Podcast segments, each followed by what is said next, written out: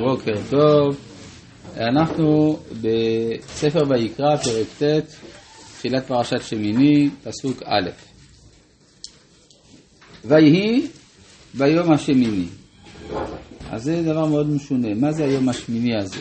אפשר לומר, אם מתעקשים, לומר שזה היום השמיני של הישיבה של אהרון ובניו בפתח אוהל מועד. אבל כפי מה שראינו בפעם שעברה, הישיבה הזאת פתח אוהל מועד, ההיגיון שלה הוא שהם כוללים בתוך החוויה שלהם את כל שבעת ימי בראשית. רוצה לפי זה שהכניסה אל, אל, אל בית המקדש, אל המשכן, איננה ביום השמיני הטכני, אלא זה ביום השמיני של הבריאה. כן, הרי אנחנו יודעים שבכל אחד מימי בראשית נאמר ויהי ערב ויהי בוקר יום פלוני. אחד, שני, שלישי, רביעי, חמישי, יום השישי. אבל כשאנחנו קוראים את מה שהתורה מספרת על ביום השביעי, ויחולו השמיים וארץ וכל צבעים וחל אלוהים ביום השביעי מלאכתו אשר עשה, וישבות ביום השביעי מכל מלאכתו אשר עשה. ויברך אלוהים את יום השביעי ויקדש אותו, כי בו שבת מכל מלאכתו, אשר ברא אלוהים לעשות, ויהי ערב ויהי בוקר יום השביעי. זה מה שהיה מתבקש שיהיה כתוב. לא כתוב ויהי ערב ויהי בוקר יום השביעי. אז אנחנו מבינים מזה שהיום השביעי לא הסתיים. לא הסתיים, ואז יוצא שכל ההיסטוריה האנושית כולה היא נתונה במסגרת היום השביעי של הבריאה. מה זה יום השביעי של הבריאה? זה אותו ממד של המציאות שבו הקדוש ברוך הוא מחליט שלא להתערב. אם הוא לא מתערב, הוא נותן מקום לפעולה של האדם, אשר ברא אלוהים לעשות, כדי שהאדם יעשה. מה הוא צריך לעשות? הוא צריך להיות קדוש. כן, קדושים תהיו. ואז יוצא שכאשר התוכנית תצליח, אינשאללה במהרה בימינו אמן, אז אה, יהיה כתוב, או ייאמר, ויהיו קדושים. וירא אלוהים כי טוב. ויהי ערב ויהי בוקר, יום השביעי. ואז מה יתחיל? יתחיל היום השמיני.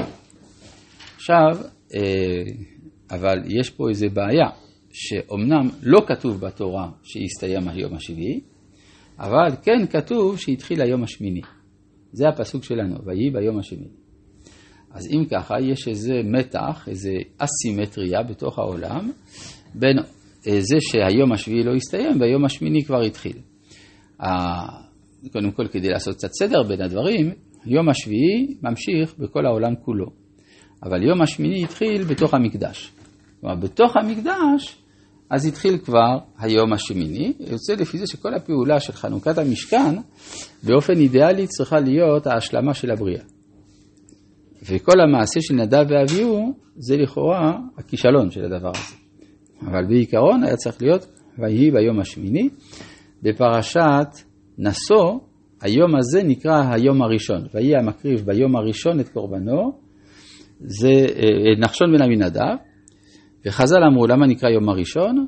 כמו יום הראשון של בריאת העולם, שהייתה שמחה לפני הקדוש ברוך הוא כיום שנבראו בו שמיים וארץ. יוצא לפי זה שבאמת חז"ל ראו ביום הזה יום שהוא אה, ההשלמה של הבריאה. יוצא שהשלמת הבריאה זה האפשרות שהשכינה תשרה בתוך המקדש, מתוך כך באדם, ועשו לי מקדש, ושכנתי בתוכם. מה? זה יום השביעי. ביום השביעי הקדוש ברוך הוא לא עושה כלום. האדם עושה הכל, ביום השמיני יש מפגש. יש מפגש פנים אל פנים. כלומר, גם הקדוש ברוך הוא פועל, גם האדם פועל, ואז יוצא שהמפגש הוא פנים אל פנים. מה זה שונה מהמפגשים שאנחנו מכירים בעולם הזה? אצלנו המפגש עם האלוהות הוא דרך מסכים. יש מסך. המסך המנטלי, המסך הטבעי, הרבה מסכים יש, ואילו ביום השמיני מוסרים המסכים. עכשיו, יש סכנה בדבר הזה. אם אין מסך, אז אפשר להיבלע, אפשר, אפשר להישרף. ולכן אמרו, אמר דוד המלך, כי שם, לא, סליחה, בני קורח אמרו, אה, כי שמש ומגן, השם אלוהים. כלומר, כן, אמנם השם י"ק ו"ק כמו שמש מאירה, אבל צריך מגן, המגן אלוהים. צריך אה, איזשהו מסך שמבדיל בין הבורא לנברא, כי אם לא, אז הוא נבלע באלוהות, וזה בעצם סוג של מוות.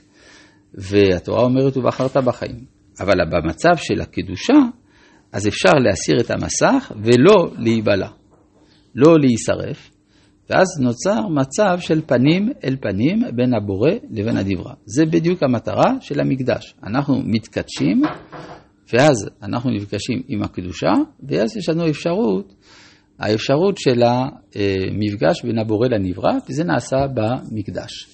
אז זה בעצם מה שכותב כאן, ויהי ביום השמיני קרא משה לאהרון ולבניו ולזקני ישראל. ביום השמיני בפועל בהיסטוריה זה כבר עלייה או זה עתיד להיות בשלישי? לא הבנתי. זה כבר התחיל להיות במשכן? במשכן זה היום השמיני. במשכן זה היום השמיני. יוצא לפי זה שכאשר אני נכנס למקדש, אני עובר אל היום השמיני. אני יוצא מהמקדש, חוזר אל היום השביעי. כלומר, המפתן של המקדש הוא הגבול בין שני ימים. כן? לכן גם המציאות היא אחרת לגמרי. במקדש אומרים שם הוויה. מחוץ למקדש לא אומרים אותו. זה, זה הבדל עצום. כן, רק ש... זה, אגב, זה מסביר מדוע מדי פעם המקדש נחרב.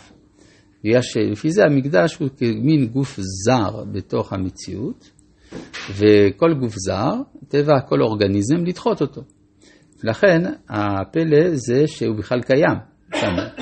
אלא המקדש הוא התרמה, הכנה של היום השמיני, הוא כמין שגרירות, אפשר לומר, אקסטרה טריטוריאלית, של היום השמיני בתוך היום השביעי. אז לכן, לכן גם זו המצווה היחידה שמשתנה בצורתה לאורך הדורות. המשכן משתנה ונהיה בית ראשון, בית ראשון משתנה, נהיה בית שני, בית שני משתנה, יהיה בית שלישי, בית שלישי יתחיל להתפשט והקדושה תכלול את כל העולם כולו. העולם יהיה המקדש. מה? אז זה לא מדויק. המקדש השלישי לא יחרב, אבל הוא לא נצחי. למה? בגלל שעם הזמן הגבולות בינו לבין העולם הולכים ומטשטשים. כמו שמצאנו שכל ירושלים תהיה כמו עזרה לעתיד לבוא, כתוב בזכריה, שיביאו את הסירים כמזרקים לפני המזבח בכל ירושלים. ואז המקדש מתפשט על כל ארץ ישראל, ארץ ישראל על כל העולם. זה כמו כתם שמן שהולך ומתפשט. אז במובן הזה הוא לא חרב, אבל הוא מתבטל. כן? לכן גם מצאנו בתוספות חכמי אנגליה. באנגליה היו בעלי תוספות, אז בפירוש בעלי התוספות אה, של חכמי אנגליה על מסכת סנהדרין, כתוב שהמקדש השלישי יעמוד 830 שנה. מה זה 830? זה 410 ועוד 420. שזה בית ראשון ובית שני. כלומר, התפיסה של אה, בעלי התוספות זה שהמקדש השלישי הוא סינתזה של שני המקדשים, כמו שאמר הרב קוק גם במהלך הידיעות בישראל, שבית שלישי הוא בעצם ההרכבה של בית ראשון ובית שני. אז אה, זה בעצם הציפייה. כן, למשל, במדינת צרפת, כשהם אה, חשבו שהגיע כבר אחרית הימים, ואז הם עשו ביטלו את הנצרות ועשו את פולחן היש העליון, ככה הם קראו לזה, ואמרו שמידותיו של היש העליון, לטחו שיבכם, כן? זה האמת והצדק, והיכלו העולם. אז היכלו העולם, אז הם חשבו, אז הם איבדו את הראש בגלל זה, בגיליוטינה. וה... אבל הרעיון היה שה... גם שהגענו כבר מעבר ליום השביעי, לכן הם ביטלו את השבוע. הם ביטלו את השבוע ועשו עשורים, חילקו את החודש לשלושה עשורים. טוב, זה, לא, זה היה מה שנקרא הכלה פגה.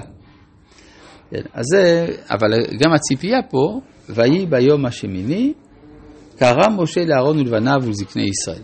אז עכשיו יש פה דבר מעניין, במסכת עירובין כתוב שהתורה הייתה נמסרת מפי משה לאהרון ובניו והזקנים, לא ליהושע. כן, תורה שבעל פה נמסרת כאן, ו...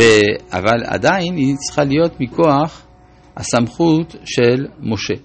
וראינו שהכהנים יש להם נטייה להשתחרר מתורת משה, זו הנטייה הצדוקית במהלך הדורות, ולכן כתוב ויעש אהרון ובניו את כל הדברים אשר ציווה השם ביד משה, זאת אומרת שלאהרון היה קל, לבניו היה קושי.